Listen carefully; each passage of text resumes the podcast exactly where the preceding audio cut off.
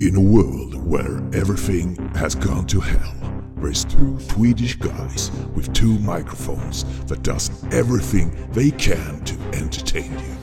They have decided not to give up on you listeners. They will continue their jobs to sort out the good from the bad in the world of movies. No one can stop them to put out their shows in the air. Now, sit back and enjoy when a brand new episode of TT Film Podcast come to you. Rated R. Då har vi startat ytterligare ett nytt avsnitt av TT Film Podcast. där vi idag ska avhandla irländskt med lite gaeliskt språk. Vi ska prata om när man inte vill vara vän med någon fast man har varit det länge, länge, länge. Och vi ska prata om Bros. Vad blev det för någonting? Det blev egentligen en liten charmig stund mellan två pojkar. Eller egentligen så är hela filmen en LGBTQ-film utan dess like. Och sista och inte det minsta segmentet är det fyrsiffriga talet som inte är min pinkod på mitt eh, Mastercard utan det är något helt annat för det är året vi ska prata om, 1986. Eh, och givetvis min kollega på andra sidan, Thomas Hellberg. Nu avslöjar jag just mitt, eh, min pinkod till mitt Mastercard. Tack för Ja, du har, nej, du har 1, 2, 3, 4, det vet vi om. Goldfinger, Janne Cash. Kommer du ihåg när man gick till så här minuten automater och plockade ut sina pengar? Minuten hette det. Jajamän! Det var ett lit, litet grönt kort med en pil så man visste vilket håll man skulle stoppa in det i. Exakt, för det skulle man inte fundera ut annars. Det var Nej. länge sedan det, det var länge, länge, länge sedan. Är det någon överhuvudtaget som använder sitt betalkort för att ta ut pengar överhuvudtaget? Tydligen, för det finns ju sådana uttagsautomater fortfarande, så det gör det säkert. Vad har man det till? Jag menar det är väl ingen affär som överhuvudtaget inte tar emot kort längre? Jag Nej, fast en del har ju kontanter fortfarande. Jag tror det är en pensionärsgrej det där, tror du inte det? Ser vi procentuellt på hur många pensionärer som har kontanter och hur många, ja, 70-talister framåt som har det, så kan jag tänka mig att det är nog pensionärsgrejer. Eh, jag, jag måste ju säga så här också att du har ju fått sympatier så du fått idag. Har, har jag fått Att sympatier? de tyckte, ja visst, de tyckte att mitt eh, popquiz till dig var jättesvårt. Ja, du menar som vi gjorde i 10 års specialet i förra avsnittet ja. Så du fick det liksom att ja, det, du fick bara ett rätt här, to- Tohomas. Men det var ju svårt också och så här. Och jag, jag förstår ju inte hur svårt det kan vara att komma ihåg sina egna filmer som har satt som bästa film för året. Det kan inte vara svårt alltså. Nej, säger du till någon som inte kommer ihåg vad han gjorde förra veckan ens en gång. Precis. Ja, Jag får be om ursäkt då. Det var svårt då. Ja, det, det var svårt. Du ska få tillbaka. Det fick jag ju innan där för fasen. Ja, men det var ju lätt ju. Det var, det var ju du som fick tillbaka för mig. Jag gav tillbaka till dig för att du hade gett mig två gånger tidigare. Ja, då tänkte du, då, då, då kan man ge något så här supersvårt bara för att kompensera för de här andra popquizen jag har gett till dig. Var det så du menar? Nej, ska jag säga, jag tycker nog den första jag gav till dig, den var mer elak. Men jag tycker fortfarande du skulle kunnat den. Men ja, mm, när jag gav dig citatet ur din bästa film genom tiden. Ja, ja, du menar så. Mm, vad jag sa? There can be only one och du kunde inte den. Ja, men du sa det ju på svenska ju, tror jag du gjorde. Det kan bara, bara vara en. Ja, det var svårt. Och så borde du haft lite eko på också, sen borde du ha imiterat Sean Connery. Det, kan bara vara en. Yes, eller ja! Jag bor i Spanien, i min stuga. Nej, det gör han inte längre för han är död. Precis, vad hette han då? Skådesp- eller karaktären? Lobes Ramirez, eh. Villa Bondage någonting. Jag vet inte. Ja, Ramirez hade rätt. Ja, Ramirez hette han ju, men han hade ju ett jättelångt namn när han presenterade Ja, sig. Det behöver man inte kunna. Nej. Vi kommer säkert beröra den mer här som sagt. Ha, då så. Har du något annat att och, eh, ljuda över på din eh, andra sida motorvägen eller ska vi kasta oss raskt in i eh, dagens program? Jag tycker vi kastar oss raskt över i dagens program. Yes! Och då tar vi den första DVD, Blu-ray och eh, nu streaming aktuella filmen Bros. Man skulle kunna tänka mig om det var de här Åbro, då kunde det bli A-Bro. De har ju nämligen gjort eh, när Eminem var här för några år sedan och eh, drack öl. Och då frågar de, vad är det för öl ni dricker? A-Bro!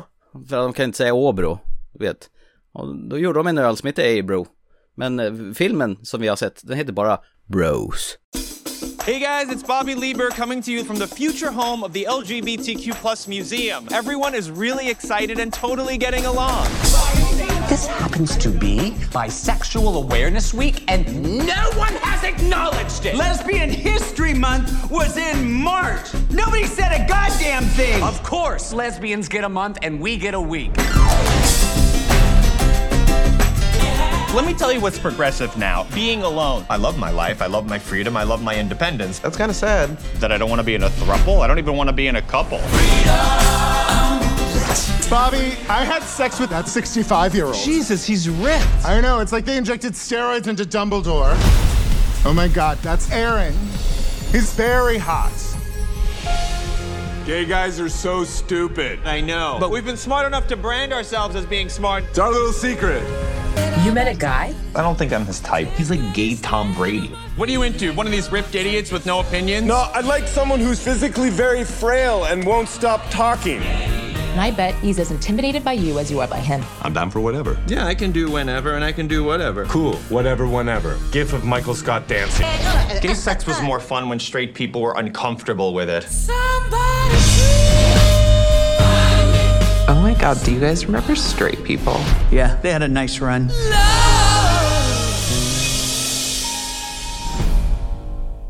Yes, Bros.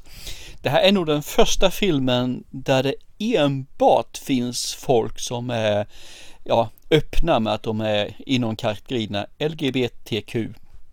Så alla som är med, även de som spelar het- heterosexuella i filmen är fortfarande eh, någon typ av den här kombinationen då. Tycker jag är lite småkul faktiskt. Eh, filmen då, det handlar väl om Bobby och när vi får träffa honom i början då är han, eh, eller han är väl en podcast-host som Ja, gör vid- videopodcast. Eh, spelas av Billy Eichner. Jag tror han har till och med skrivit den här historien. Så det är Ja. väl kanske lite självbiografiskt hur hans trassel i natten när han kämpar sig fram på, vad heter det, de här olika datingplattformarna och Grindr. För han är väldigt ensam den här mannen. Men tror du verkligen att det är självupplevt? Tror du verkligen att det här är biografiskt? Jag tror bara det här är en story han har kommit på faktiskt med att han ska göra en romcom med två stycken homosexuella killar. Aha. Jag tror det. Jag tror inte det här är någonting som är självupplevt. Okej, då är det Ja. inte självupplevt då. Då Ja, bestämmer Jag, vi det här och jag, nu. jag tror inte det som sagt Jag har inga, inga belägg för det. Okej. Han träffar i alla fall ute på krogen en kille som heter Aaron. Ja, De är ju på en lansering av en ny eh, app ju. En ny sån här dating-app. Och så träffar han den här Aaron eh, som är så långt ifrån han bara kan komma. Men de eh, fattar tycke för varandra på något märkligt vis för den här Bobby han är ju en, han är en snackpåse deluxe. Han håller aldrig tyst. Och sen börjar de här två dejta och eh, ja, sen blir det väl enligt eh, Mall A romantisk komedi. Det, blir lite käppar på vägen, de ska träffa familjen. Aaron tycker att han ska dämpa sig lite grann för han är så jävla pladdrig. Eh, och han känner sig kränkt och förtryckt och... Dejtingdjungeln är inte så lätt om man är homosexuell, verkar det som. Som jag tolkade det där i början så han är ju inte ute för att dejta. Han är med ute bara för att träffa folk och ha sex egentligen alltså. Lite så här som han uttrycker det. Sex med en person han inte känner och ingen som han egentligen bryr sig om eller som aldrig kommer träffa igen. Utan han är bara Nej. där för det fysiska. Och vad, vad jag förstår så har ju han Bobby-karaktären aldrig haft ett riktigt förhållande överhuvudtaget. Nej, han har väl aldrig känt att han passar in i ett förhållande egentligen, den han är. Eh, Och det får man väl också reda på lite längre fram varför han eh, känner på det viset. För han är ju en, en väldigt, eh, ja som jag säger, han har mycket åsikter och han är väldigt eh, känslosam i sina åsikter också. Medan hans eh, killen som han dejtar, Aaron, han är väl, han är ganska lugn och jordnära, down to earth istället. Ja, och han har väl en annan sak istället. Han är väl mer eh, svårt för det här med att visa känslor, stucket. Mm. Men han gillar att ha gangbangs med andra killar. Ja, det är mycket sexanspelningar i den här filmen, det är det definitivt. Eh, Sen då får han väl någon, någon ny form av jobb att han ska starta upp något form av museum. Mm, just för Bobby. de som är HBQ-personer. Ja, kan du dra hela harangen då? HBTQB plus någonting. Hela harangen, ja men det är ju egentligen så är det inte H för det är svenska utan det är ju LGBTQ. Jag antar att det är lesbian, gay, bi, trans and queer som det står för. Mm. Och alla de Och där så- som sitter i det här styrelserummet, det, det är ju transar och homosexuella och you name it. Där finns ju en av de här karaktärerna som jag faktiskt tycker bäst om. Det är Wanda. Det är hon den här eh, mörka, jag tror hon är mörk, eh, hon är mörk och sen så är hon eh, flintskallig. Ja, ja, ja, ja, just hon det. säger liksom, jag håller med dig, jag ger dig space. Hon tycker jag är helt klart den bästa karaktären i hela filmen. Nej men det, så som jag uppfattar den här filmen är ju för det första så vill de göra en, en romcom där det är homosexuella. Nu går de ju hela vägen åt andra hållet med pendeln om vi säger så. Samtidigt så känns det som att man, eh, man gör lite spä av stereotyperna av eh, den homosexuella världen. Både som det varit förlegat och kanske som, som de ser det från den heterosexuella vad heter det, delen av populationen här i världen. Hur man ser på homosexuella. Och så gör de då lite spä på sig själva också. Lite satir, lite ironi i det här fallet. Och så vill man då göra en, en tribut till den gamla, vad heter det, romcom-filmerna på 80-talet. Du har fått e-post, du har När Harry mötte Sally och de här filmerna. Och de, de gör ju också referens i filmen till just de här när det dyker upp. Så för mig blir det här en film där du har mycket tribut till den gamla, man gör det ett nytt format med homosexuella samt med den här ironin och sarkasmen så för de är väldigt spydiga i filmen. Alla är spydiga i filmerna mot varandra och har en jargong som är rätt så grov kan man väl säga. Det är det som jag tror är det stora paketet med den här filmen. Man gör någonting som ska göra någonting nytt fast man ändå gör det med någonting med glimten i ögat och med en gliring mot det gamla. Jag kan hålla med om det. Mall A enligt eh, ro- romantisk komedi. Det här. Det, Bitvis ja. tycker du inte Bitvis. Nej, jag, jag håller inte med till 100 procent. Jag håller med lite grann som du säger med eh, de här stegen som finns i en romcom. Det- Alla finns ju med. Men hur den är uppbyggd och dialogerna och vad som händer i den här är definitivt inte en mall A, för de är inte gulliga på det viset. Alltså det är en rätt så spydig och eh, satirisk film det här. Så jag anser inte att det är en, ja men ta den här vi såg för ett tag sedan med våra kära Julia Roberts. Det är ju en romcom mall A. Den här tycker jag har mer mot Silver Linings Guidebook. Tycker jag i sådana fall. Eh, alltså att den avviker från romcom lika mycket som Silver Linings, Silver Linings Guidebook gör. Nu säger jag inte de Alltså- jag ska inte likställa dem överhuvudtaget de två filmerna men den gör ju också ett avsteg med lite psykisk sjukdom, en svärta, den här ironi, sarkasm istället så de gör, den bygger den på istället då. Mm. Fast det landar ju ändå i, i slutändan i en så här klassisk hur den tredje akten ska avhandlas. Absolut, ja men så är det ju. Och den akten är ju eh, klassisk, klassisk. För där har du ju den här fantastiska Herre i Sally-stuket. Jag måste säga att jag tyckte faktiskt att den här var rätt så trevlig den här. Jag kommer på mig själv vissa gånger, de har en dialog. Att man tänker att det är mot en tjej och en kille som har dialogen. För det är det man är van vid när man ser en romkom. Det är ju en tjej och en kille. Och så är det då två killar. Och det blir ju lite mer pang på. För det, det blir ju rätt så mycket, nu smaskar vi mulen så det är bara att runga om det.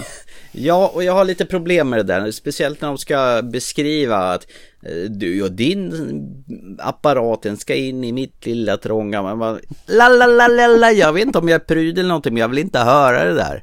Jag tycker det blir jobbigt. Men hade du tyckt det var lika jobbigt om de hade berättat att din eh, snopp ska in i min vagina, om vi ska använda korrekta termer? Nej, men, alltså, Men jag tror inte man jobbigt? gör det, utan är det någonting som tillförs bara för att det är homosexuella? Måste man liksom berätta att nu ska jag trycka på dig där bak? Jo, men jag tror att det är just det det handlar om i det här fallet är just det att de lägger till den delen för de vill ju klart göra en viss, ett avtryck. De vill att det ska påverka folk. De vill ju att folk ska känna att det, ska, det här är utanför Mm. normen. Jag tror det är det de är ute efter. De vill ju provocera här alltså. Ja, jag blir lite provocerad faktiskt. Mm. Ska jag vara riktigt ärlig så trodde jag du skulle bli det.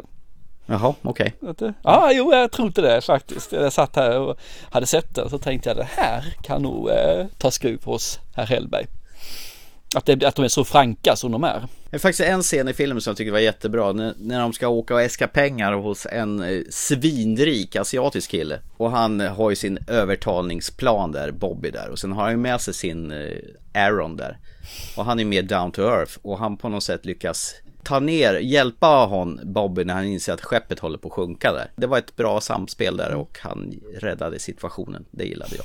Ja, jag, jag tycker också den var bra. Det fanns fler scener som jag tyckte var riktigt bra. Sen finns det ju tyvärr att filmen är ganska ojämn känner jag. Att Mm. den, den har väldigt mycket ställen där den är rolig och jag känner att den är bra och den tillför någonting och sen blir den, vissa delar så är den så plump och blir liksom bara, jaha okej, varför då? Varför är den scenen med här? Det kändes, nej för mig blir det liksom att den, det finns mycket high och det finns mycket lows i den här filmen. Men lite oslipad, det är som en kantig eh, så här rough cut som kanske inte riktigt, det känns inte färdigt kanske. Jag tror de ville för mycket, det är det som är saken. man borde ha det där i åtanke, kill your darlings, att man, eh, vissa saker kan man bara liksom rakt i soptunnan. Som att tala om att man ska ta varandra i prutten. Ja, och det är väl det som är en sak som är att den här är nästan två timmar lång och den behöver Mm. inte vara två timmar lång den här filmen utan det här är en romcon.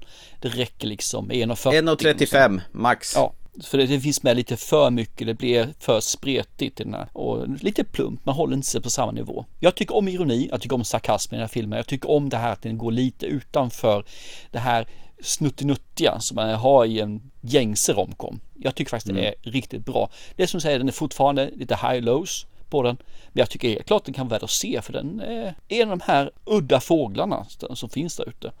Sen så kommer jag nog inte rekommendera det här till var och varannan människa. Så jag har sett en bra film, se den här. Men jag hade lite tråkigt när jag såg den här filmen. Jag tyckte den var rätt så nice faktiskt. Ja. Jag njöt av den bitvis. Jag tyckte Bobby var lite för hysterisk. Det var ungefär som en homosexuell variant av Woody Allen. Han är ungefär på samma sätt. Det är bara smattra på alla tankar som kommer genom huvudet. Det ska bara ventileras. Jag ser ju mer han lite grann som, vad heter han för någonting? Eisenberg, eller vad heter han, han som är med i... Oh, fy fan, Jesse Eisenberg! Ja, Ja, det kan precis. du hålla med om. Mm. Det kan, ja, det har du faktiskt rätt i.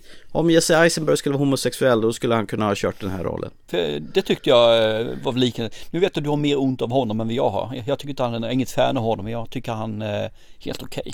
Jag mår Nej, inte han är inte alls okej. Usch. Nej, han kan ha delat plats med den här, han eh, truliga fan som är med i alla Wes Andersons filmer. Eh, som var med i den här Marry Me också. Den här Ja. blonda. Med ful näsa. för någonting. Med ful näsa, Owen Wilson. Ja, så heter han ja. De, de kan ju bilda fi film tillsammans. Och ingen Jesse Eisenberg har ju gjort en bra film du tycker om i alla fall. The Hummingbird. Alltså, The Hummingbird Ja. Project. Ja, det må vara hänt. Om man blundar varenda scen han är med i. Den är ju också så jävla neurotisk. Jag gillar inte de här han- neurotiska personerna som är... Jag tror inte han spelar, jag tror att han är sån. Förmodligen. Det är väl som den här också, Billy Eichner. Han är väl säkert som sig själv i den här filmen. Sen fattar jag inte varför han skulle vara podcastare. Det hade väl ingenting med filmen att göra egentligen. Kunde vara De börjar ju någonstans, som sagt var. Ja. Jag, tycker den här filmen är helt klart att se. Jag tycker definitivt att vill man se en annorlunda, udda romcom som är lite spetsiga spjut med, med, med udd, det är ett bättre ord på den. Och som har den här sarkasmen och ironin då, som den. Och kan ta det här just med att de driver med homosexualitet, de driver med den, med sig själva väldigt mycket. Och med alla andra också. De driver med allt i stort sett. Det är riktig, ja, det är sucker punches och det är pungsparkar högt och lågt här. Då ska man helt klart ge den här en chans för jag tycker den, den är värd det. Sen är det synd att den är två timmar lång. Den kunde varit som du säger 1.35 istället. Det är helt okej. Jag har sett mycket, mycket, mycket sämre film än den här och inte för så länge sedan. Det, det är min eh, slutsummering på den här filmen. Fast jag funderar på, driver de verkligen med den homosexuella världen? Det kanske är så här det är. Vet du det? Ja, jag vet inte, jag bara antar det. För det här liksom att de alla gör sig tröjorna när så fort det blir fest. Ja. Det känns som att det där är en stereotyp som man har i alla filmer och alla tecknade eh, Simpsons-avsnitt när det handlar om homosexuella. Jag tror inte att det är det. Jag tror att det är riktig parodi och liksom att de gör lite, de gör spä av stereotypbilden som finns ute i den heterosexuella världen. Men varför skulle de hugga av sig tröjan bara för att med bögar istället? Varför gör inte vi heterosexuella det i sådana fall då? Vad, vad skiljer dem mot oss? Medan att de tycker om killar och vi tycker om tjejer. Nej, Ja. det är löjligt det där. Det, det finns... Jaha, nej det är löjligt. Det är löjligt.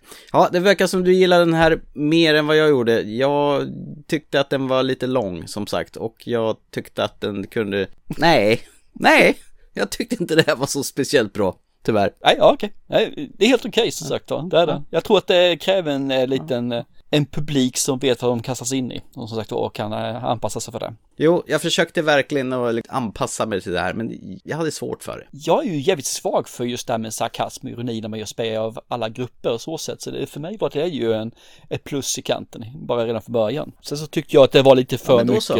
sexuella anspelningar, och inte bara anspelningar ibland. Jag tycker att det förstörde lite grann av filmen, för min del. Men Det blev lite grafiskt lite här och var. ja, och det, det var ju meningen. Men jag förstår vad de ville göra, men det är bara att jag tycker inte att det var så här direkt kul att se på. Inte en sån här typ av film. Jag hade inte tyckt att det var kul att se i en vanlig romcom heller. För det, man ska inte behöva inte se någonstans. För vill jag se någonting, finns andra filmer jag kan titta på istället. Då får jag det här grafiska som du säger. Så det spelar ingen roll att det är... Medan en vuxenfilmer, Ja, precis. där de gör det på Som riktigt. vi har ett citat från en av våra kompisar, precis. Jajamän. Jag har hört att i vissa filmer gör de det på riktigt. Nej, tror du?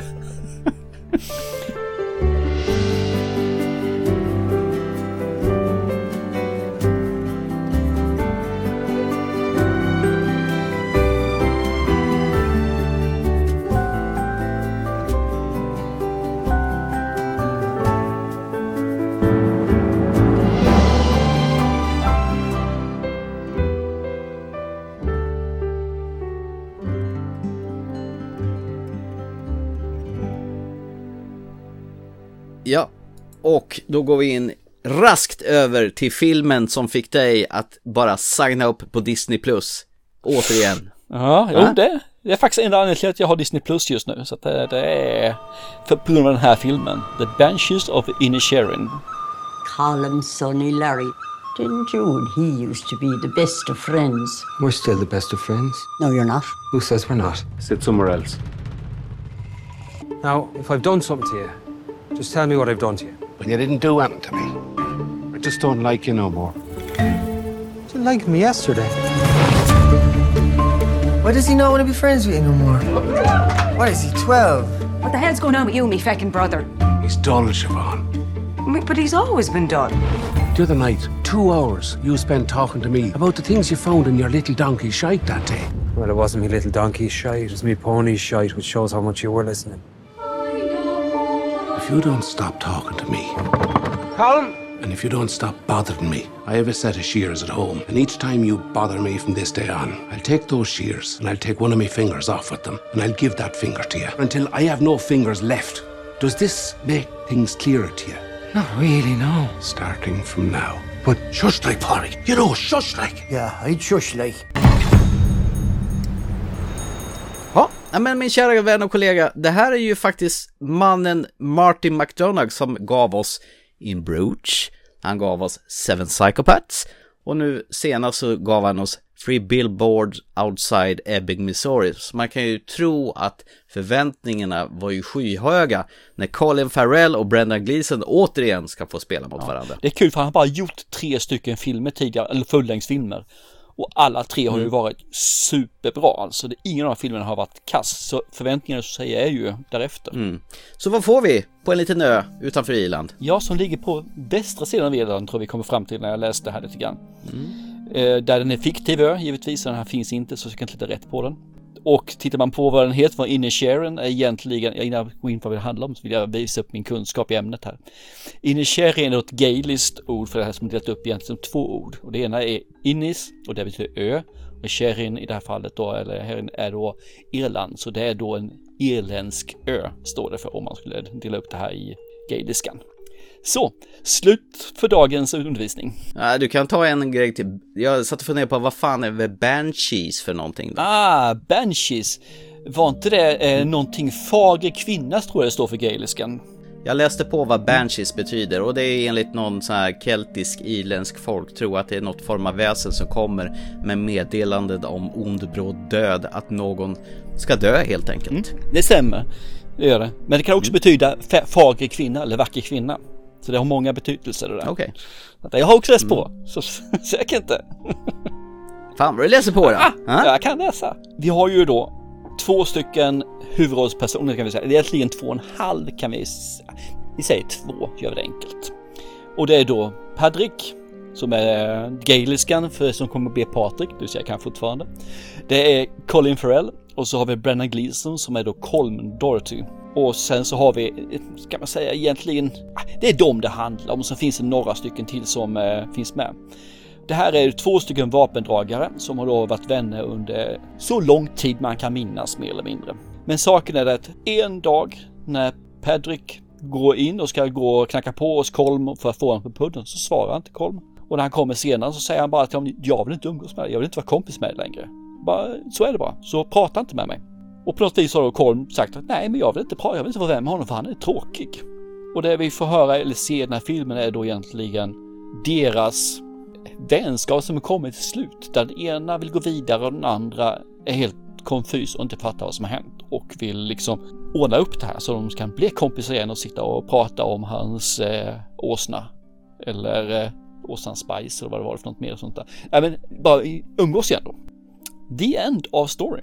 Padrakik Sulebajahin. Han har jättekonstigt efternamn. Ja, precis. Jag vet att det är Padrik och det är Shoban. Shoban heter hans syster. Hon är också bra, Carrie Condon. Ja, hon är riktigt bra.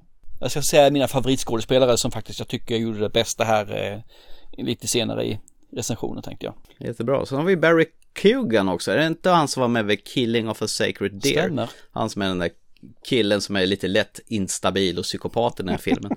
Han, är, han har inte alla hästar hemma i den här filmen heller. Han är ju byfåne. Ja, han är väl, ja precis. Men han har varit med i fler, fler filmer. Han var ju med i eh, Green Knight. Ja, det var han också ja. Så, den har inte du sett. Nej, och så var han med i Eternals. Jag läste på här ska jag erkänna. Nej men alltså, det, man har ju sett han faktiskt fler, men det är ju framförallt Killing of Sacred Deer som jag känner igen ifrån. För där är han ju riktigt creepy uh, unge. Här är han nog creepy på ett annat jävla vis. Han är rätt så rätt fram och säger vad han tycker i alla fall om ja, folk. men det brukar folk som inte fattar bättre göra tänkte jag säga. Men... Men jag kan säga så här att miljöerna på den här ön är ju rätt så vackra trots att de är ganska karga. Jag såg den här igår tillsammans med min sambo. Och alltså det är rätt fint där, ja men det är ganska kargt. Men ändå så kan jag uppskatta de här äh, långa vidderna och, och de går till den här lokala puben. Eh, jag vet inte riktigt när det här ska utspela sig för det är någon form av inbördeskrig som pågår på andra sidan på fastlandet där det bombar och grejer och har sig. Eh, någonstans på 30-talet. Ja, det måste vara det. För ölen de häller upp, det är liksom på flaska med någon sån här kork, plupp, varje gång. Ja. Och det verkar vara det enda som de har att servera, det är alla verkar dricka någon form av Guinness, för det är kolsvart öl de dricker Mm. i de här glasen. Ja, ja men det, det är väl det de dricker, det är väl Guinness och whisky. Det är Irland vi pratar om. Ja, det kanske de gör. Och får, får man lite så här skön trubadurmusik med sån här typisk irländsk fiolmusik med Fiddle players. Fiddle plays. Och eh, Kolm är ju en sån där fiddle player som vill ta fram fenan och vill spela sin musik i lugn och ro. Han har tröttnat rejält på att Padrick bara pratar om absolut ingenting och vad hans åsna Jenny har bajsat ur till exempel och kan lägga ner en timme på hur färgen på bajset ser ut. Exakt. Nej men jag håller med dig, den är ju otroligt fint filmad det här. Liksom, det, det är ju många av de här scenerna är ju jättefina, det är som ett foto liksom, något sådär som man bara känner wow. Och vad heter det, som du säger, vidderna är fina och de här husen så, här, så finns det också, man, man märker verkligen att det här är tragiskt gammalt och rustikt alltså. Det, det, ja, jag tyckte om eh, filmtekniken på det här, fotot är suveränt. Den hade gjort sig bra på storduk. Jag tror nog fortfarande att den här fortfarande går på bio trots att Disney Plus har precis slängt ut den. Det brukar gå omlott ibland i, när det gäller filmerna som landar på Disney Plus. Colin Farrell har däremot insåg att fan, han börjar bli gammal han också. Han är inte så här, riktigt lika hankig längre än vad han, som han har varit. Ja, fast nu har de nog dragit ner honom för han ska inte vara det heller. För jag menar, han är ju född 76 så att han är ju yngre än oss. Han är fan yngre än vad vi är. Och vi är ju hankiga fortfarande. Du, definitivt. Ja, nej men tänk dig själv, alltså du, du har umgås med någon varenda dag och sen helt plötsligt så är det, är det ungefär som du är pest och liksom paria. Kompisen din, han vill inte, han vill inte prata med dig så han tycker du är äcklig, snuskig, vidrig. Låt mig vara. Hur fan skulle du kännas då? Så jag förstår att han, eh, Padrick, blir helt perplex och bara känner, "V- vad fan ska jag göra? Det är ju hans enda vän förutom systern han har. Ja, och åsnan. Ja, åsnan också förstås också. Och sen verkar ju ha någon liten i alla fall eh, kompis i, i Dominic, byfånen. Men det är bara för att de dricker sprit ju. Det är det någon moonshine de dricker? Någon hembränt eller vad fan? Ja, det verkar som det. Och pappa polisen är en våldsam jävel som går runt och egentligen inte verkar ha så mycket att göra på den här lilla ön. För det händer inte så mycket. Nej, precis. Så den lokala affären där hon som står i affären, hon är så jävla svältfödd på nyheter som frågar alla som kommer in. Har du hört några nyheter än? Det är ingen som kommer med några nyheter. Ingen kommer med några nyheter. Mm. Men för att bryta ner det hela. Filmen handlar om två kompisar som helt plötsligt den ena har beslutat sig för att inte vara kompis med den andra. Räcker det här egentligen för att göra en story på nästan två timmar? Nej, det gör det inte. Ärligt talat, jag hade förväntat mig någonting mer av det här. För jag, jag älskar verkligen både Colin Farrell och Brendan Gleeson. Mm. Men själva den här storyn som de mejslar ihop och själva det som sedan kommer att ske på grund av olika händelser. Det är så jävla osannolikt och jag får inte ihop det. Varför det händer som det händer. Nej, ja, den är inte, den är trovärdig någonstans är den inte. Det här berörde inte mig riktigt. Nej. Är, är, är det meningen att man ska liksom känna för de här karaktärerna? Visst, det är ju synd om han eh, Patrick, att han blir så himla ensam och han försöker sträcka ut de brödsmulorna han kan för att få tillbaka kakan. Men det var ingenting riktigt som satte sig i hjärtat och själen. Nej, men han är ju bara, han är ju bara dum och ointelligent, han är ju. Det är det som är saken. Han är ju imbecill. Jo, han är snäll, men han är, för, han är förbannat korkad. Ja. Jag förstår varför Nara inte vill hänga med honom faktiskt, det ska jag erkänna. Sen så kan vi gå in och titta på Brennan Gleeson då. Jag menar, Mm. han vill spela fiol. Och sen så hotar han då med att om du pratar med mig så klipper jag med fingrarna. Min fiolhand. Jag bara, varför skulle du göra det? Det är jävla kontraproduktivt direkt. Det är hans, om man inte har fingrar så kan han inte spela på fiolen, så varför ska vill han klippa av fingrarna? Ja. Det är så jävla dumt så klockorna Så, stannar. så vill man göra den här till en komedi så hade det helt klart varit, den står som komedi och drama, men det finns jävla inget roligt i den här filmen någonstans. Dramamässigt, ja men du lär ju inte känna karaktärerna, då tycker inte jag att det är en drama heller. Du kan inte bygga en film på att det finns två karaktärer som är bra, där det ena är Siban, eller Shoban, som är hans syster och det andra är Jenny, åsnan. Det är de enda två karaktärerna som jag tycker är bra. En åsna vet du. Ja, ja miniatyråsna, Ja. förlåt. Hunden är väl rätt bra också? Ja men den gör inte så mycket, den är rätt så blek tycker jag. Nej men det, det, det är så jävla tråkigt, jag vet ju att både, vad heter det, Brennan Gleeson och Corin Farrell är ju så jävla bra och kan ju liksom leverera. Och det roliga är att de hade signat upp den här filmen innan den ens hade fått grönt ljus och ville göra det här. Och det är så förbannat dåligt. Det är nästan så Lighthouse blir bättre. Tycker du det? Nästan. Ja, nästan. Men det, kan väl vara så att de hade väl så jävla roligt när de jobbade med, med Martin McDonagh förra gången när de gjorde In Ja. Bruges. För den filmen är ju fan med ett mästerverk i mina ögon. Det är klart som fan att de ville göra film med sin kompis igen och på pappret så kanske det lät som en jävligt ball idé där men det räcker ju inte att dra ut på det i en timme och 50 minuter. Nej det här är en kortfilm, det här är liksom en halvtimmes film. Och jag, jag satt och funderade på vad fan ska det här ta vägen någonstans? Vad vill de göra med det här? Hur fan ska de lyckas ta sig i mål och göra ett vettigt slut på det hela? Och det gör de ju inte heller, tycker jag. Det håller jag med om. Det här, hade det här varit att jag sett den här förra året innan vi gjorde våran recap på året så hade den hamnat i alla fall Ja. som bubblare för årets sämsta film. Ja, jag, jag fattar liksom inte överhuvudtaget hur den här kan vara så unisont hyllad av kritikerkåren. inte jag heller. Ja, jag fatt, det, det är något jag inte förstår med den. Det är, det är något jag missar. Men gud vad skönt, jag, jag trodde att det var bara jag. Då tänkte jag, nej, nej. Jag, tro, jag trodde så här först att vi var ju på teater igår och såg eh, nästa andetag. Eh, en, en tvåmans, eller en kvinna och en man på en scen. Och det var egentligen de två som bara för en dialog med varandra i 90 minuter. Med sån jävla fart så de hinner liksom dra igenom hela sitt liv. Och efteråt, både jag och min sambo, vi var så omtumlade och skakade av det här så, så det var ingen som kunde prata utan så fort vi skulle börja prata så började vi båda böla. Så jag tänkte så här, är det för att vi har sett den här som gav sån jävla impact och sen sätter jag mig ner och ska titta på den här. Är det därför jag inte känner någonting? För jag är helt tömd på känslor. Så det finns ingenting kvar som räcker till för en sån här film. Men nu förstår jag att det var inte på grund av det. Ja, för jag ska väl erkänna så trodde jag du skulle tycka om den här filmen för den är väldigt lik Lighthouse alltså för den har inget att berätta, det finns inga karaktärer, ingen förstår någonting, ingen röd tråd, inte ett jävla smack egentligen. Så jag tänkte att det här måste ju tillhöra favoriterna hos Hellberg men ja, intressant, vad bra. Vi... Nej, det händer ju lite knäppa grejer här, det gör det ju. Men det är ju ingenting som på något vis rättfärdigar att det ska bli knäppt. Ibland så kan det ju vara knasigt och jag tycker att det är ju fantastiskt härligt. Men de här knasiga grejerna, jag blir bara irriterad. Och jag blir bara förbannad på de här karaktärerna för de är, beter sig som riktiga jävla idioter. Så det enda som gjorde det hela rätt, det var ju Siboban, hans syrra som Carrie Condon, som, eh, ja, hon tog saken i egna händer och, och ja, så.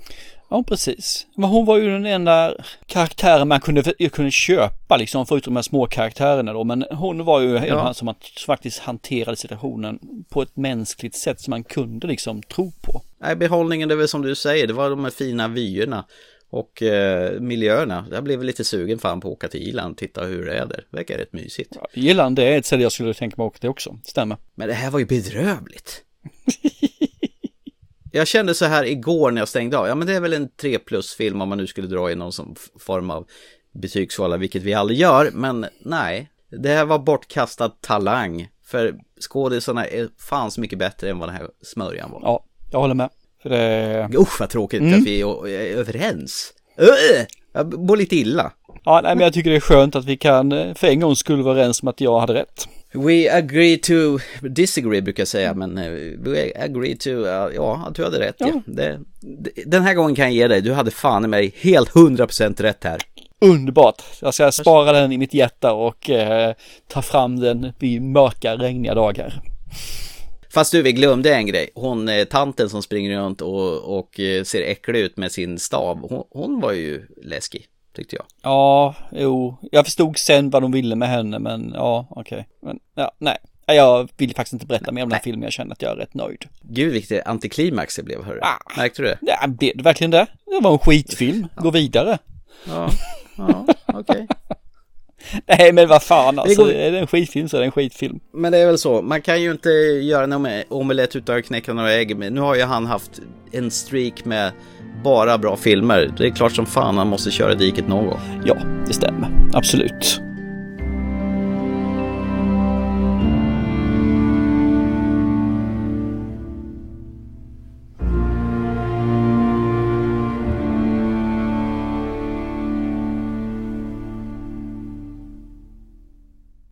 Men du, ska vi gå till någonting som är mycket roligare?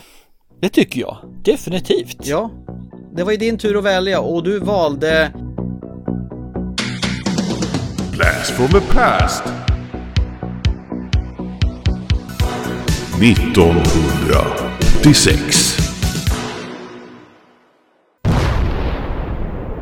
Precis, det var dags kände jag. Ja, det var rätt länge sedan vi pratade retrofilm och hade inte du valt det så hade jag valt det. Men, ta inte ifrån mig det här nu. Det är jag som har valt. Okej, okay, nej jag hade inte valt det här. Mm. Nej, jag, jag, tycker det är så vansinnigt tråkigt så att, nej usch. Så vi tur att du tycker det är roligt i alla fall då. Jajamän. Men du, jag tänkte vi gör så här. Vi, vi har, har ju en viss tågordning när vi pratar om år. Där jag utsätter dig för vilka som vann eh, Oscars och vilka som var de mest inkomstbringande filmerna. Och vi fortsätter med det. Vi fortsätter med det tycker jag. Okej. Okay. Kör Vilken fick Oscar för bästa film? Eller vilken film fick bästa Oscar för bästa film? Jag tror det var Plutonen. Rätt! det här kommer du ihåg alltså, men du kommer inte ihåg vilken film du har som bästa film förra året? Uh, nej, men uh, eh, 1986, det vet jag ju. Charlie Sheen var ju för fan med i den här filmen. Och Willem Dafoe. Och Tom Berenger var ett riktigt jävla rövhål där. Mm. Och så kommer jag ihåg den här scenen när de kommer in i en by och sen drar de en gevärskorv i skallen på någon av de här uh, viet vietnamesen och han bara Såg du hjärnan sprack? Det kommer jag ihåg, det tyckte jag var jätteäckligt när jag såg den. Okej. Okay. Bäst regi då? Vem vann den? Det var Oliver Stone för Plutonen. Stämmer. Best actor? Bästa skådespelare alltså, eh, manliga skådespelare. Bästa skådespelare. Är det fortfarande plutonen? Då var det Willem Dafoe kanske? Nej, det var det inte. Det var Color of Money som vann eh, det här med Paul Newman. Jaha, den här med Tom Cruise och Paul Newman Mm. som egentligen är en uppföljare på The Sting. Precis. Egentligen. Ja, det kanske det är. Ja, det stämmer det kanske. Rätt att det var Tom Cruise med, stämmer. Bästa kvinnliga skådespelare då? Ja, vem kan det vara då? Ja. Det är väl säkert Meryl Streep eller något sånt där. Jag måste säga så här, jag känner inte igen henne ens när jag får se namn eller bild. Så att, eh, du gör säkert det, men det, det är Children of a Lesser God som är filmen.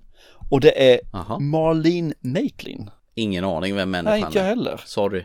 Att, Nej. Så, Det- så, Hon kan inte ha gjort någon större karriär efter den Oscarsson. Precis. Så att, nej men det, Mhm. så var det i alla fall. Och, då ska du få här. Det finns tio stycken filmer som är på topp 10. Ja, mest inkomstbringande. Vi brukar säga att du ska ta fem av dem och det kan vi ta den här gången också. Men du bör sätta fler, annars är det nästan pinsamt. Okej, Mm. eh, jag kan ju tänka mig att Top Gun hade, låg högt till. Mm. Top Gun är nummer ett. Och sen kan det säkert ha varit, ja plutonen gick väl säkert jättebra Ja, också. trean. Crocodile Dundee kanske? Mm, tvåa. Eh, kan ha gått bra för Karate Kid nummer två. Fyra. Ja, du ser. Mhm. Eh, Clintons film då? Heartbreak Ridge kanske? Nej, den är inte med där. Nej. Det sket det sig då. Okej. Eh, femman är Star Trek, fyra. Jaha. Och så på sjätte plats kommer en Back to School. Men sjuan, den här ska du kunna ta egentligen alltså. Kom igen. Eh, Eddie Murphy, Golden Child. Ja, det var åttan, så den fanns där med. Jag vill höra sjuan fortfarande. Express Elevator to Hell. Ja, Alien såklart! Eh, James Camerons eh, stora uppföljare till Ridley Scotts Alien. Yes. Mm. Så det var rätt så många filmer jag kände igen där faktiskt som eh, fanns bland de topp 10. Sen ska jag bara ta här, vi, har några stycken som debuterar på lilla filmbranscherna också. Vi har Angelina Ba- Bassett som gjorde sin första Mm. film i FX. Ja, Murder by Illusions, det var med han Brian Brown när han är sån här eh, special effects kille. Nej, det är inte den där. Det är FX Special Effects. Den här är en annan film eh, som är eh, mer en thrillerfilm. Aha, okej. Så jag trodde faktiskt också det, men nej det var det inte. Vi har en person här som alltid dör i nästan alla filmer han är med i. Så kommer han i en film så vet man att han kommer dö. Nästan alltid. Åh fan, vem är det då? Sean Bean. Sean Bean. Ja, ja. Han är... Brukar han dö i Ja, han dör i många filmer. Ja, han, han har dött i Sagan om ringen vet jag. Ja, han har, väl dött han har ju- i han Game har of Thrones också. Ja, det har han också gjort. Off with his head. Jag tror han dog i The Ronin också, eller vad heter den här, där de eh, ska göra, ja, vi behöver inte, han Just dör oftast han gör i alla fall. Han en jävla dögkille. Vi har Woody Harrelson som gjorde sin första film också i Wildcats. Vet jag inte vad det är. Men du vet vad han är för någonting? Ja, jag vet inte Woody Harrison är. Det är, ja. Zombieland till exempel. Ja, precis. Nu senast i den här uh, Triangle of Sadness Mm. spelar han ju fyllekapten. Ja, precis. We- Winona Ryder gjorde också sin första roll här. I Lucas heter filmen, jag har inte sett den så jag vet faktiskt inte. Vi har våran eh, kära action eh, här som kom här på 80-talet och har väl, ja, gör vi inte så mycket längre. Vi har väl Wesley Snipes som sagt var. Wesley Snipes, Passenger 57. Precis. Och han är ju med i Demolition Man också. Bland annat. Ja, det gör han också. Han är ju Blade också. Ja, ja just det. Det är faktiskt, det är nog hans kändaste film tror jag han har gjort. Ja, gjorde ju tre Blade-filmer och var skitsur för att han inte fick vara med i rebooten i och med att de recastade skådisen. Sen har vi ju grabben här som dök upp och nu nog troligtvis aldrig mer kommer få göra en film. Kevin Spacey. Ja, just det. Och så har vi ju en av mina favoritskådespelare, skådespelerskor menar jag. Och det är Tilda Swinton. Ja, du återkommer ofta till Tilda Swinton. Vad var hon med i då för någonting? Caravaggio, något sånt där heter det. Ah, Ja, okej. Ja, men ingen aning vad det kan vara. Eh, Jag har inte sett den heller som sagt var. Så att, eh, Nej. men ja, säkert jättebra. Får kanske se den en gång. Du, jag får faktiskt ge dig riktig credit på den här topp 10 mest inkomstbringande. Det är jag imponerad. Riktigt nice. Mm. Det märks ju alltså, grejer som har hänt förr i tiden sitter ju som en jävla smäck. Men sånt här som har hänt närtid, typ de tio senaste åren, det har jag svårt för. Mm. Okej. Tydligen. Jag kan ju rabbla artikelnummer på gamla glödlamporna på mitt första jobb för, för typ 30 år sedan. Så jag sitter kvar. Så här, plocka minnen från såna här grejer. Men sånt som hände förra veckan eller för några år sedan, nej det, det är svårt. Det är jättesvårt för mig. Ja, det är så med Simons, det är inte med, med det. Vad, vad har du för minnen av 1986 då? Jag, jag har ju några filmer som eh, stack ut lite granna. Jag tänker på David Cronenbergs Flugan, nyinspelad med Fly, där han eh, ja, ska teleportera sig mellan två sådana här pods. Är det Jeff Goldblum som är där eller?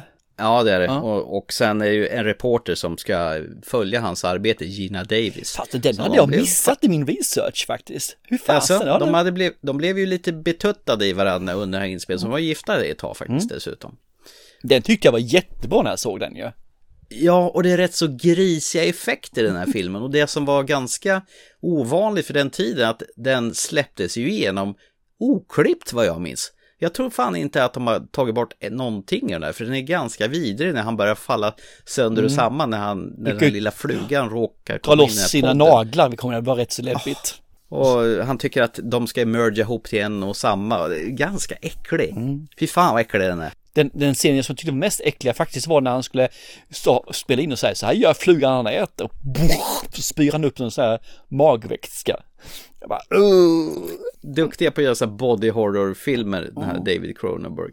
Så att, eh, det här är en klassiker. Jag gillar The Fly väldigt mycket. Mm. Ja men det gjorde jag också faktiskt. Det, originalet som den bygger på var lite för gammal när jag såg den. Eh, Svartvit. Och han har, går väl runt med ett plasthuvud på skallen. Ja, och sånt Där precis. löjligt. Mamma tyckte den var jättehemsk. att, eh, jag fick knappt se den. Jag kommer ihåg en sån här film som var en, nog rätt så skandalomsusad när den kom där och det är nio och en halv vecka. Ja, med Kim Basinger Mm. och eh, vad heter han? The Wrestler. Oh, jag kommer inte ihåg vad han heter i alla fall. Det var, det var mycket snuskigt i den och, och matsex. Du menar Mickey Rourke menar du eller? Mickey Rourke, ja, Ja. precis. Det var där de gjorde parodi på den här Hot Shots. Precis. De håller på och steker ägg på magen och grejer. Men det är ju från nio och en halv vecka. Men jag kommer knappt ihåg den mer än att den var jäkligt, eh, alla killar ville se den för den var ju eh, sexig värre alltså. Eh, Labyrint var en sån här film som jag tyckte väldigt mycket om. Det var ju han, eh, muppargubben himself, som låg bakom den här filmen. Ja. Jim Henson, med hela, han är ju expert på att göra såna här figurer. Och det här är ju en fantasivärld med en tjej, Jennifer Connelly i en ung roll faktiskt.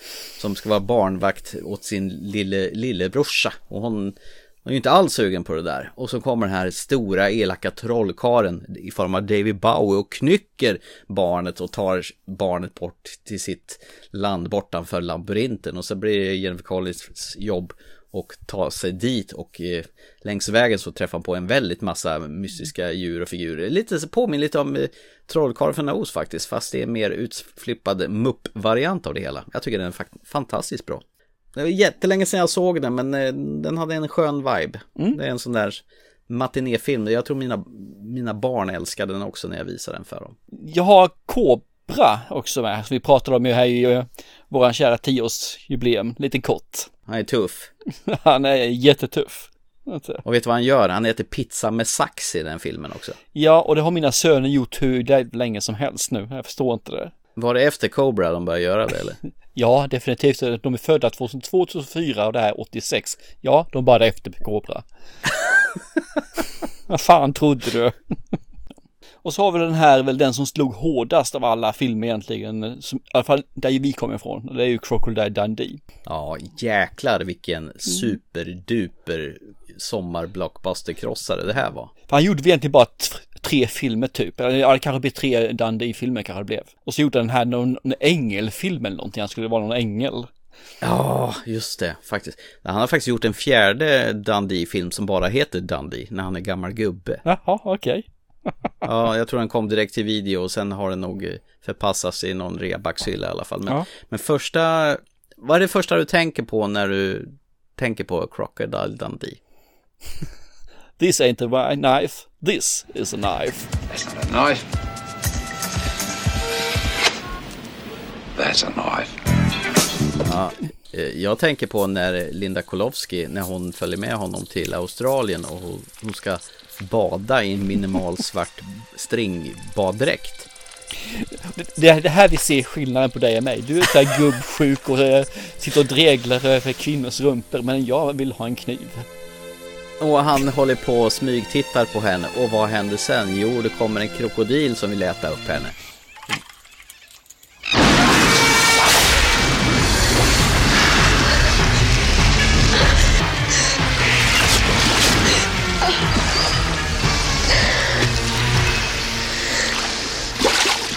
Den scenen kommer du inte ihåg? Jo då, absolut gör jag det. Men det var inte det första jag tänkte på, det var knivscenen. Det var bara ett litet test där och se vad... Här, ain't a knife. This is a knife. När de håller på att bli rånade. Vi har ju en härlig eh, Clint Eastwood-film också, Heartbreak Ridge som du nämnde tidigare. Den här körde jag ju en pappa-son-film faktiskt här för ett tag sedan. Och sonen han tycker ju verkligen om de här härliga kommentarerna.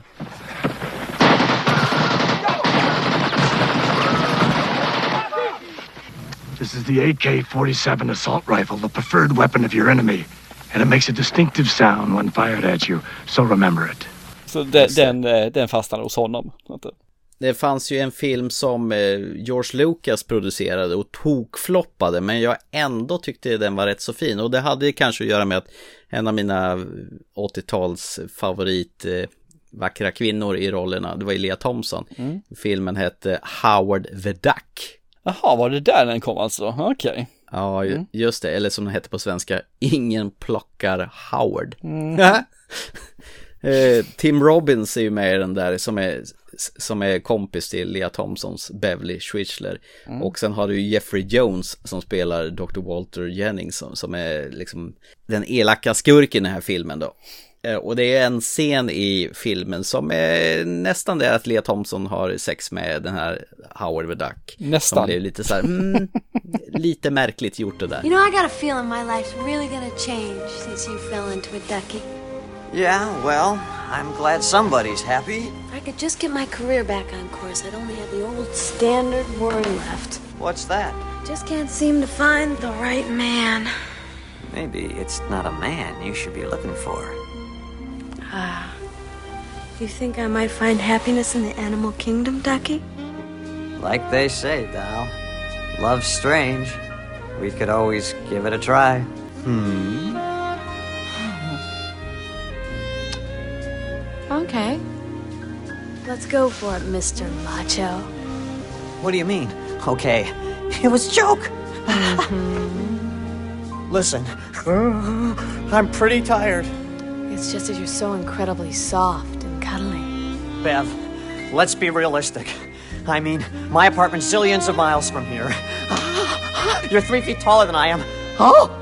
I just can't resist your intense animal magnetism. Come on, Howard. I was just kidding. Good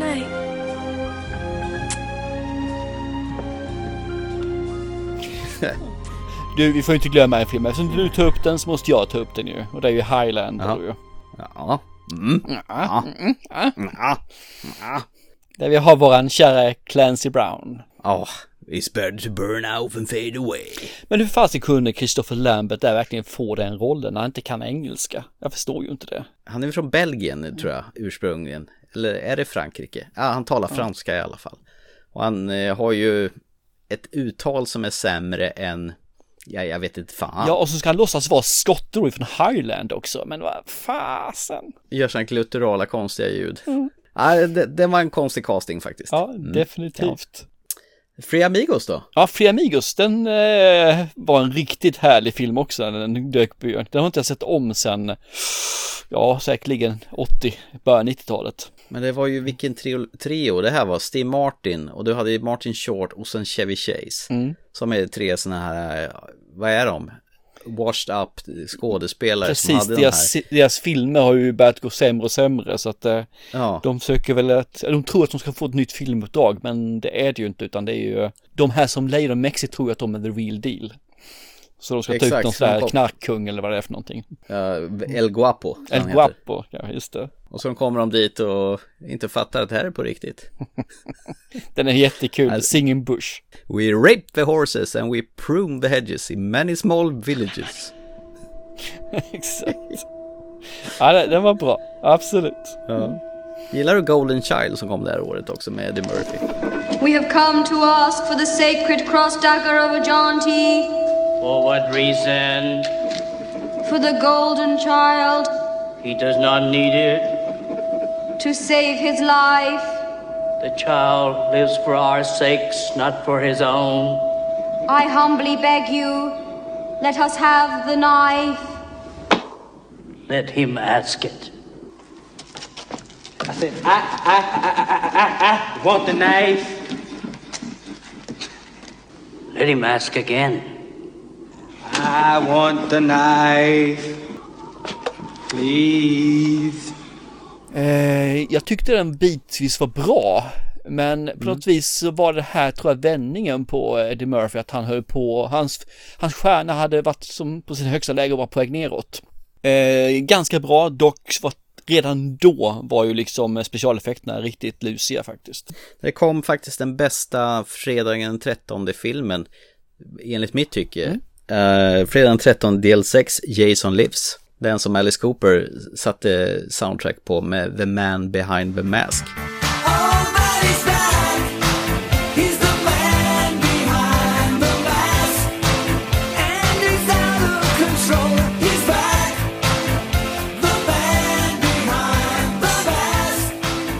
Och introsekvensen startar ungefär som en James Bond-film när Jason kommer gående och kastar en samuraj, eller samuraj, ett, en macheta så det börjar blöda i texten. Där ser man, ja, okej. Okay. Hommage till James Bond skulle jag tro. Eh, Big Trouble Little China då? Med John Carpenter mm. som har gjort den med eh, våran kära Kurt Russell. Ja, det tredje samarbetet med eh, John Carpenter efter The Thing och Flykten från New York. Mm. Mm. Han gjorde bra filmer där, där faktiskt. Det kan man inte säga annat. Frågan är om inte det var hans sista braiga film. Därefter så tycker jag nog att det har väl varit lite si och så, mm, ja. ärligt talat. Jo. Och så har vi den sista Aliens-filmen som var bra, eller Alien-filmen som var bra. Aliens. Har bara bra mysiga tankar till den filmen ja. faktiskt. Riktigt jävla spännande. Den har ju sett sina bästa dagar när det gäller effekterna. Eh, förutom tycker jag fortfarande att de här eh, monstren, de, de, är fruktansvärt bra, riktigt förbannat bra. Men just eh, flygningarna och det här är så här, mm, åt skådespeleriet. Precis, när rymdskepp ska flyga i luften och man ser att det är inklippt och så här. Men om man bortser från det, de här mm. praktiska och de här eh, mekaniska grejerna, till exempel Alien-drottningen är ju förbannat snyggt ja. gjord. Det, det, roliga är ju att när de gjorde det, du kan ha sett det, avsnittet hur de de gjorde det, de ville att den skulle röra sig snabbt. Så de, alltså ja. det är svårt att göra för det är ju med stänger och så här och det är en stor jävla modell. Ja. Då fick Just de det. göra det med att de fick filma in den så fick de ju snabbspola det för att få henne att röra sig i den hastigheten de ville att hon skulle göra. Så de hittade verkligen på eh, lösningar, jag inte med, med det. Ja, kreativt, mm -hmm. och det är så man ska lö lösa saker och ting. Ja. Eh, kommer på sådana high school-filmer också. Eh, John Hughes var ju stor producent av dessa. Pretty in Pink. Med Molly Ringwell som eh, balens drottning och sen hade du ju fyra med Ferris, Matthew Broderick som tar en Ferris Bueller's Day Off när de tycker de ska skolka för skolan och bara ha en nice skön dag utanför. Var det någonting som eh, du gick igång på? Nej, inte direkt. Nej, nej. nej det... Och så kom ju Top Gun det här året också. Vad sa du? Kom? Top Gun kom ju det här ja, året Ja, precis. Vi, vi har ju en film som vi faktiskt fick se på i skolan. Mm, ungefär här faktiskt. Och det är ju Little Shop of Horrors. Den har jag faktiskt aldrig till dags datum sett. Om jag ska vara ärlig. Det var ju egentligen bara en scen som var kul ju. Ja. Det var just när den här växten har vuxit upp sig stor och sen så ska den då ha mat. Så mm. att, annars så var den filmen, alltså, jag kommer ihåg den just av att fick se den i skolan. Så det var ju ganska tätt inpå när den kom ut. Var inte Rick Moranis med i den filmen? Du vet, älskling jag krympte barnen och Dark Helmet i Spaceballs. Oh ja, han är med, det stämmer. Pass vad koll du har. Steve Martin är med också för den delen och James, Jim Belushi också.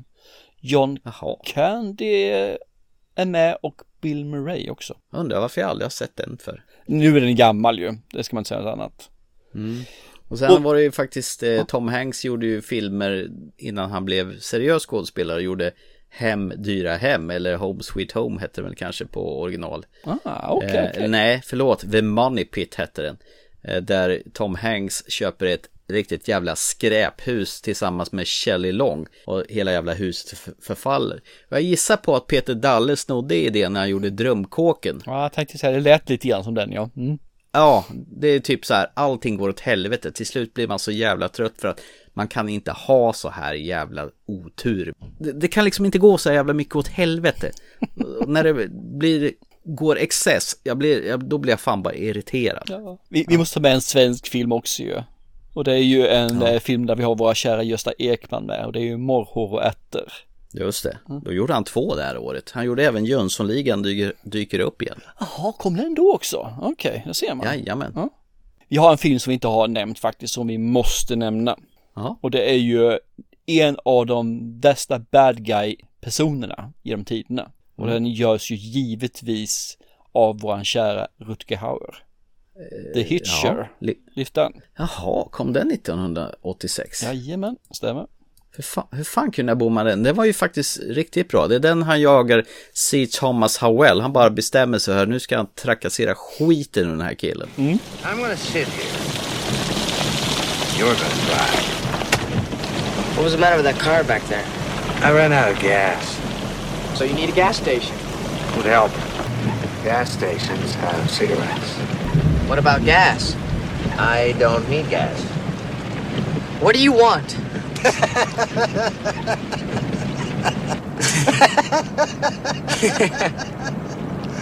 What's so funny? That's what the other guy said. Who's the other guy? The guy who was driving that car back there. The guy who picked me up before you did. Was that him in the car? I'm sure it was. Couldn't have walked very far. Why's that? Because I cut off his legs. And his arms. And his head. And I'm gonna do the same to you. Ja, men jag missade flugan så det är helt okej. Men jävlar vilken vidrig, vilken jävla vidrig filmskurk han är. Ja, han så är en av de värsta. alltså. Det är ju han och eh, No Country for Old Men. De toppade Ja. tycker jag. Vilken äckelpäcker han är. I like it. Jag kommer ihåg han klipper av fingret på någon och sen eh, så här, did you enjoy your fries eller något sånt där. Och sen har han ett finger i pommes fritesen när han sitter och käkar på någon Ja. sån här diner. Och sen drar man, ska man dra sönder folk mellan två lastbilar va? Och det här scenen när han sätter eld på macken där, när man ser han kastar tändstickan i slow motion och han, killen får springa som ett jävla jehu. Nej, det är coolt. En jävla bra film, den skulle man se om. Ja, undrar om den blivit för gammal men eh, ja, jag skulle nog kunna tänka mig se om den. Definitivt. Apropå Sean Bean gjorde ju en remake på den filmen där han spelade liftaren. Ja, okej, okej. Ja, han dog säkert där också. Ja, det är klart han gör, för liftaren dör ju i slutet av filmen. Det. det är ser, coolt. han dör alltid Sean Bean när han är med i filmerna. Det är helt korrekt faktiskt. Du, har du några fler filmer att ta upp eller ska vi eh, börja göra vår trelista? Ja, vi kan gå till tre-listan. Jag vill bara säga att eh, Ralph Macchio gjorde Karate Kid 2, Mästarprovet, och gjorde samtidigt Crossroads. Så han gjorde två filmer det här året. Produktiv Ralph Macchio det här året faktiskt. Yes, det stämmer. Mm. Nej, men det var det. Så att eh, vi, absolut, vi kan eh, köra på våran eh, topp tre-lista. Jag börjar med min trea då och det är faktiskt The Hitcher. Det är liftaren. Den är, jag har ju gått mycket på det här återigen att hur det var när jag såg filmerna då eller och eller när jag såg dem sist. Så att eh, The Hitcher hamnar på min tredje plats. Lätt. The moment he stops, the terror starts. I swear I didn't kill those people. I got framed by this guy who picked up hitchhiking. You believe me? The Hitcher. Rated R. Starts Friday, February 21st in a theater near you. Grattis. Grattis säger jag. Ja, precis. Eh, eh, eh, Ja. Tack. Ja, nej men eh, då kommer min trea då. Och eh, jag försökte vara lite så här oberörd förut, men det är faktiskt Big Trouble in Little China. This is Jack Burton in the Pork Chop Express, and I'm talking to whoever's listening out there. It's a pretty amazing planet we live on here. And a man would have to be some kind of fool to think we're all alone in this universe. There's a hidden world called Little China. What's going on here? Is this some kind of magic? The darkest magic. It's where Big Trouble was waiting for Jack Burton. Who? Jack Burton. Me. Jack! Jack? Jack! You make one move. Somebody, I don't care who, tell me what is going on. My destiny rests in your capable hands. Hey, I'll do my best. This is gonna take crackerjack timing, Wang. Total concentration. You ready, Jack? I was born ready. Way to go, Jack. In John Carpenter's Big Trouble in Little China. Hey, what more can a guy ask for? John Carpenter, han smäller till ytterligare med ett samarbete med Kurt Russell efter The Thing och Flykten från New York som jag sa tidigare. Och Kurt Russell, han spelar ju den här långtradarchauffören Jack Burton som hamnar i trubbel när hans kompis Wang Chi ska hämta sin blivande fru Miao Lin på flygplatsen. Men innan han hinner hämta henne så blir hon kidnappad av en klan. För att hon har sådana jadigröna ögon. Och så får vi vara med på en sån här typisk action martial arts komedi spökfilm. Så, som jag tror det till och med stod på omslaget. Och Carpenter har förstås gjort själv musiken i den här filmen och fy fan vilken jävla fartfylld åktur det här är. Mm. Du får ju Dennis Dunn, du vet Jack Killians eh, radioproducent i En röst i natten var ju med här då. Och så Kim Cattrall, så innan eh, Sex and the City då. Och sen den väl använda James Hong som superskurken Lou Pan. Och du såg ju honom senast i Everything Everywhere All At Once. Det är ju han gammelgubben som sitter i rullstol. Ja, okej, okej. Ja, ja, ja. Så jag har sett den här filmen otaliga gånger och Jack Burton, eh, det vill säga Kurt Russells rollfigur, han är en sån här typiskt ego, egoistisk, ofrivillig hjälte. Lite som Han Solo är i Star Wars faktiskt. Det mesta han gör blir fel dessutom, men han har ju hans sidekick eh, Wan Chi som räddar alltid upp honom. Och sen har du några så här dräpande repliker. The son of a bitch must pay. Are you ready Jack? Eh, I was born ready. Everybody relax, I'm here. It's all in the reflexes. Så att det, det här är nog lätt John Carpenters mest publiksfriande film enligt mig. Jag tycker den är svinbra. Min två är Aliens. We homed in on an alien ship which destroyed my crew. She'll risk everything to destroy them. They mostly come at night. Go to infrared, people. These people are here to protect you. Multiple signals. You're soldiers. What's happening, A-Punk? It won't make any difference. Sigourney Weaver. Aliens. The new movie. Rated R. Det här är ju James Cameron som jag tycker gör en sån fantastisk film. Där vi har Sigourney Weaver som är liksom den ultrabitchen som slår alla på fingrarna, till och med de här marinsoldaterna som då faktiskt visar sig ganska veka när de ska möta det här, det stora Queen Bee, eller the, the Bitch. Jag tycker om hur de lyckas få till det här med eh, rörelserna på den här underbara aliensfiguren som då är föregångaren till alla andra som kommer efter. När man gör film idag som är lite sci-fi, action eller liknande så finns det alltid den här förbaskade aliensfiguren i bakgrunden. Sen får man ju säga så att det finns väl likheter men om man jämför ettan, Alien och Aliens, så är ju den här så mycket häftigare alltså. De här, hur den här ser ut. Det här med dubbelmunnen som de hade. Eh, men här får man se det mycket mer tydligare och jag tycker om de använder den på ett helt annat sätt. I första filmen så var det mer en dykardräkt. Här har vi verkligen lyckats och driva det framåt och det är så kul att de gör det med just dockor alltihopa hela tiden. Så att, äh, älskar den här filmen. Jag tycker om hur de gör musiken. Jag tycker om det här just att de upp med crescendo, tyst och sen så kommer det smacka till så blir den här jump scaren. Jag tror det var rätt så nytt när den här gjordes. Sen har ju det efterapats i omgångar kan jag tänka mig mycket, mycket efter det här. Men äh, nej, det här är en föregångare när det gäller actionfilmer och sci-fi och den kommer nog fortfarande att vara en film som man tittar tillbaka på och skäl ifrån i många, många år framåt också.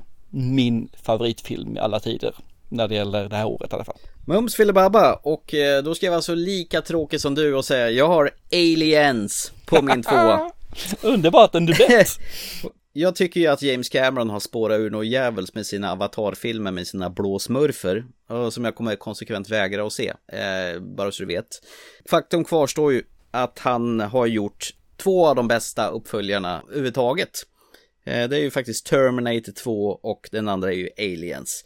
Och det är ju ganska så smart att ta Ridley Scotts den här om en enkel liten pruttig alien och så lägger han till ett litet S på slutet så det blir aliens. Det är ju helt jävla briljant. Genialiskt. Mm, precis. Från en till tusental. Ja, jag tycker också om det. Det är fantastiskt roligt faktiskt. Istället för att börja med något så här dumt som att aliens eller alien något annat så här, vad heter det, now we are uh, humongous. Nej, jag tycker om det också, absolut. På svenska så heter det ju Aliens återkomsten. Ja, det stämmer Ja. faktiskt. De la till återkomsten. Ja, den här sve- försvenskade titlarna. Det är ju skönt att man inte gör så längre. Mm. Jag tror inte man gör så längre i alla fall. Vad kallar han någon trean sen? Ja, den heter ju bara Alien 3 med en liten fjuttig 3 uppe i ena hörnet. Aha, okej. Vad Då var det ju en Alien igen. helt- Och sen var det ju Ja, Aliens... just Nej, Alien Resurrection heter den fjärde filmen. Var det bara en då i tre, trean? Nej, det är flera. Ja, tänkte Det är det. ett helt jävla gäng, men den heter nog fortfarande bara Alien Resurrection. Så vet jag vet. Ja. Mm. Men i alla fall, eh, det, är ju, det jag tycker är gött med den här filmen är att den fortsätter direkt efter Ridley Scotts film. Eh, inte för Ellen Ripley, för hon har ju legat i koma i, eller legat i sin kryokammare i 57 år och seglat runt. Men filmen tar ju vid i alla fall, där de plockar upp henne. Och sen, Ja. sen har vi ju, tycker jag att, att eh, Ellen Ripley, det vill säga Sigourney Weaver, funkar bättre i den här filmen i och med att hon har vuxit in i skorna, hon vet hur karaktären funkar och dessutom så får hon visa lite moderliga instinkter och ta hand om den lilla, tjejen som har blivit föräldralös, som håller sig gömd och, och försöker leka kurragömma med de här eh, aliens figurerna på den här planeten då. Och eh, det skapar lite den här mamma-dotter-dynamik i det hela som jag tycker är fint. Och sen är det ju faktiskt coola... Lite andra stakes än vad det finns Det, i det blir helt ja. plötsligt eh, värdefullt där, att, han, att hon måste skydda den här lilla tjejen till varje pris. Känner liksom att eh, idén har stulits i absurdum, eh, Last of Us kanske. Ja, ja. Eh, ja precis. och sen har du ju massor med så coola repliker där Bill Paxton som spelar Hudson som får säga den här, han är ju den rädde fan som går runt och skriker Game over man, game over! Och de åker ner med rymdskeppet till den här planeten We're on a express elevator to hell, going down! Och så vidare. Och sen har ju faktiskt James Cameron eh, sinne för detaljer. Till exempel när den här androiden eller roboten Bishop gör det här knivtricket på Hudson. Han sätter upp hans hand på ett bord och sätter sin hand på sin och sen smattrar han ju knivbladet mellan fingrarna och det går i allt snabbare takt. Trust me.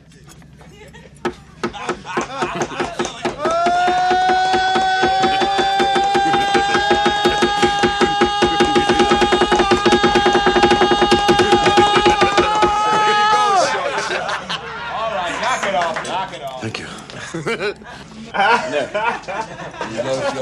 Enjoy your meal. That wasn't funny, man. Mm. Och så skär han sig lite grann så kommer den här vikvätskan fram. Det är först då som hon får reda på att det är en and- android med där. Och då blir, han, blir hon jättearg. För hon har dålig erfarenhet Precis. av eh, androider som försöker stoppa, mörda henne med porrtidningar i munnen. Ja, och eh, klämma dem på dutten. det också ja, precis. Eh, sen är han ju rätt så duktig på i den här filmen också och plantera en eh, li- lite detalj som kan kommas att användas senare i filmen. Men den här, eh, den här lastaren som hon lär sig köra. Mm. Det här kan ju vara bra att kunna till senare i filmen. Eh, Men den har en jävligt stressig känsla den här filmen och James Horner som har gjort scoret till den här som senare fick göra Titanic också. Eh, han har gjort ett oförglömligt score som ökar ju pulsen ännu mer.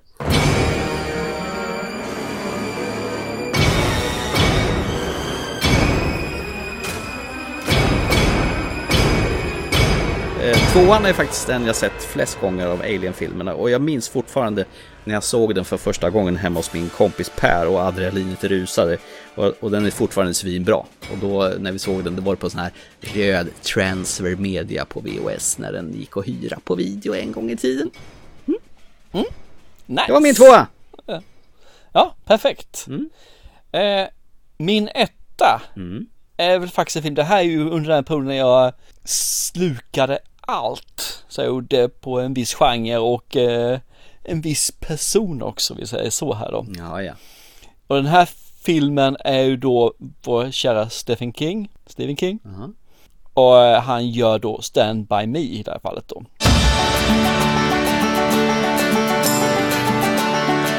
Oh man, wait to hear this. What is it, man? You guys want to go see a dead body?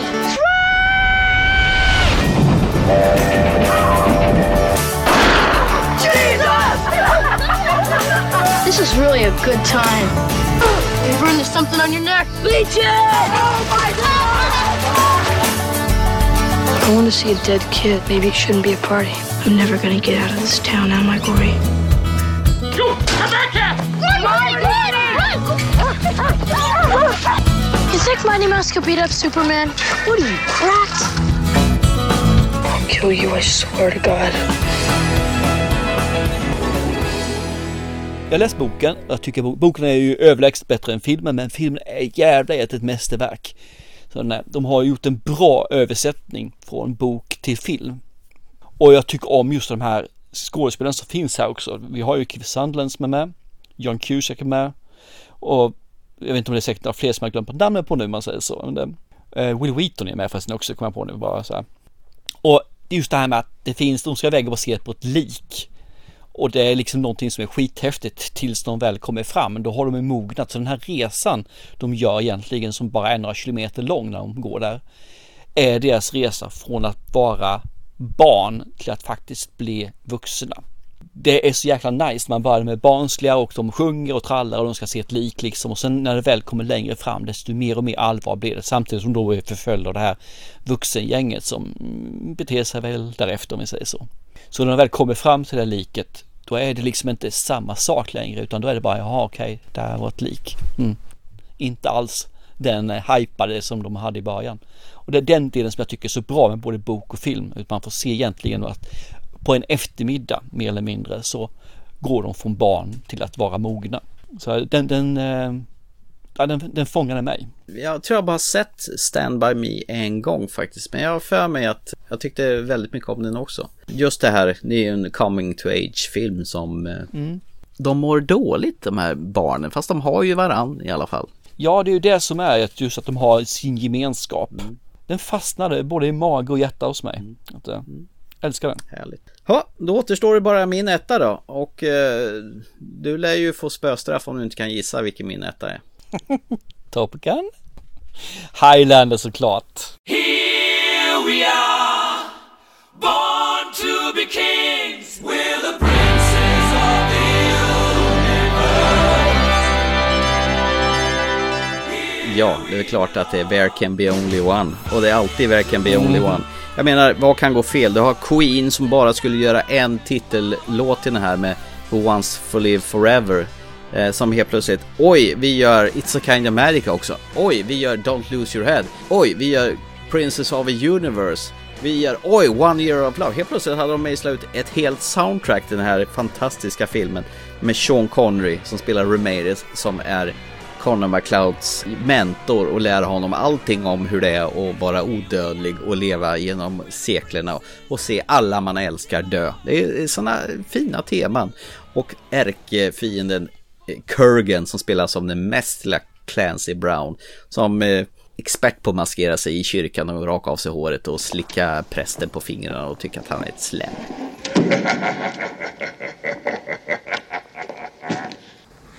People are trying to pray. You're disturbing them. He cares about these helpless mortals. Of course he cares. He died for our sins. Father, forgive me. I am a worm. I have something to say. It's better to burn out than to fade away.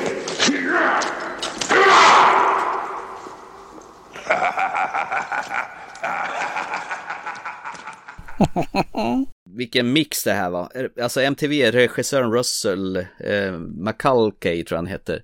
Eh.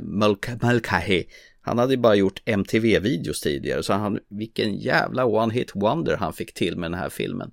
För jag menar de här schyssta kameraåkningarna han gör, skiftena mellan nutid och dåtid gjordes på ett sätt som man aldrig hade sett förut. Ja, det enda som man kan fundera på det är varför överhuvudtaget de kastar Christopher Lambert som Connor McLeod som inte på långa vägar är skotsk utan han är väl belgare eller fransman som knappt kan prata engelska på ett korrekt vis och han ska prata skotska. Ja, den är märkligt men filmen i alla fall, det var det fränaste jag såg då och jag tror jag har sett om den här filmen, ja, låt oss säga 30-40 gånger.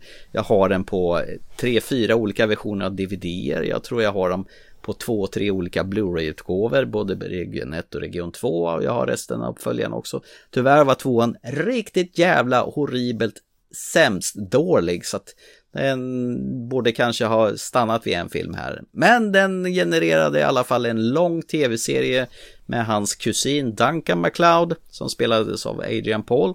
Och sen sedan mer blev en animerad tv-serie.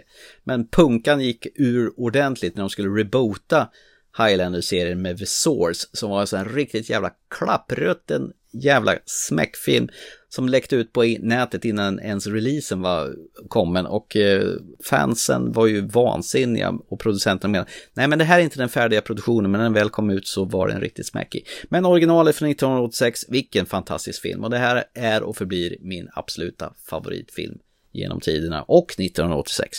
Nice, jag visste ju att du skulle ha den så att det var ju liksom ingen- överraskning. Nej, ja, det här är min film alltså. Den, den här är ju så Mm. otroligt bra. Vissa effekter i den här filmen kanske har sett sina bästa år, men alltså själva helheten, alltså den är mässligt filmad, alltså det visuella, det och bara få med Sean Connery på en roll på det här och Clancy Brown är ju fantastisk som skurk. Ja men det är han, han är riktigt eh, nice. There can be only one. Det är bra på sig i alla fall. Han fick ju öva länge på det säkert. Så nu undrar jag, hur Ja. står sig 1986 till de tidiga åren som vi har pratat om? Jag tycker det här var ett riktigt starkt år med mycket bra titlar som släpptes. Ja, min, min, först, min bästa år är ju 1984 när vi gått igenom. Så 85 fick ju stryka 84. Här, fi- 84 finns ju en del starka kort alltså, ska jag inte säga det. Vi har Indiana Jones som är här, vi har Ghostbusters bland annat och sådana här ju. Men jag tror banne med att 86 tar över precis att det är nog det bästa filmåret genom tiderna so far som vi gått igenom. Men det är jäkligt att inte det, det var inte helt säkert, för när jag satt och gick igenom det här så tyckte jag att ja men det, det är bra, men 84 är bättre. Men nej, 86 tar över det. det. Den får ta eh, ledartröjan nu. Det var rätt kul, men det är fasen tar mig inte med mycket. Ja, vad roligt. Ja, då tar vi väl och stänger igen Blast from the Past för den här gången och så får vi se i framtiden när vi återkommer till 1987 då med andra ord. Precis. Vi betar oss sakta men säkert framåt i tiden.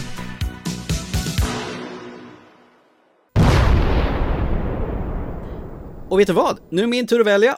Yes, och vad blir det då för någonting? Jo, jag tänkte att vi skulle ta vårt kära segment återtiteln, alltså filmer från förr som vi nu ser med äldre ögon.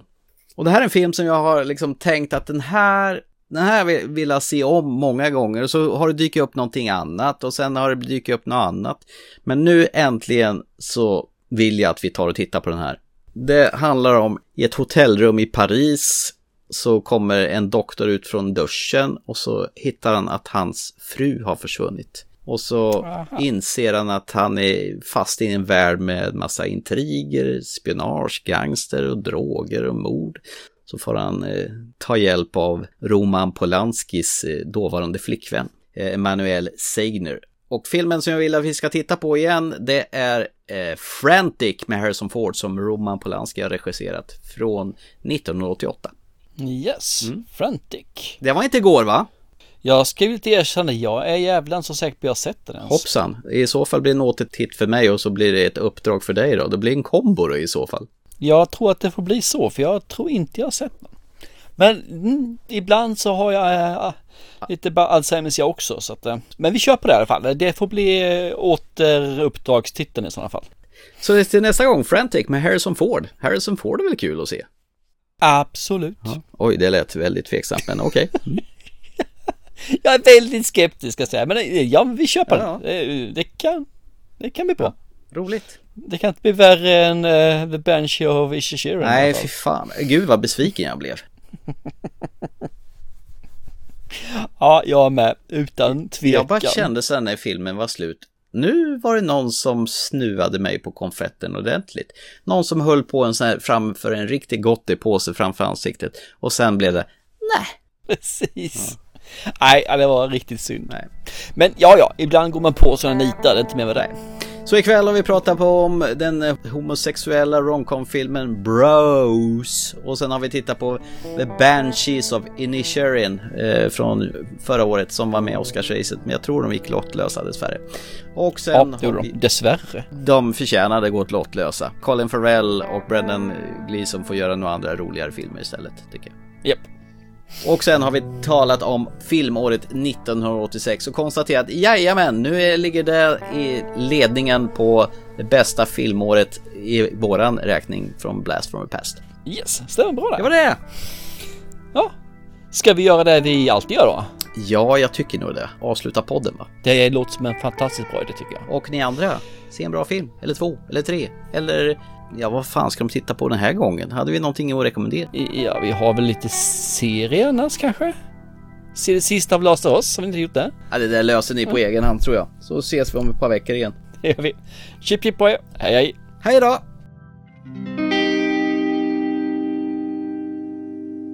There's no time for us. There's no place for us.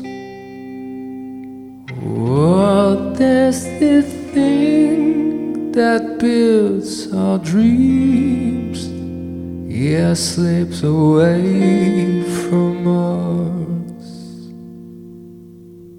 Who wants to live forever? Who wants to live forever? Who?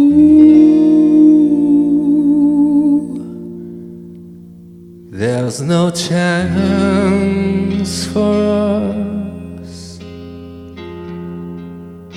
It's all decided for us. This world is only one sweet moment set aside for us. Who wants to live?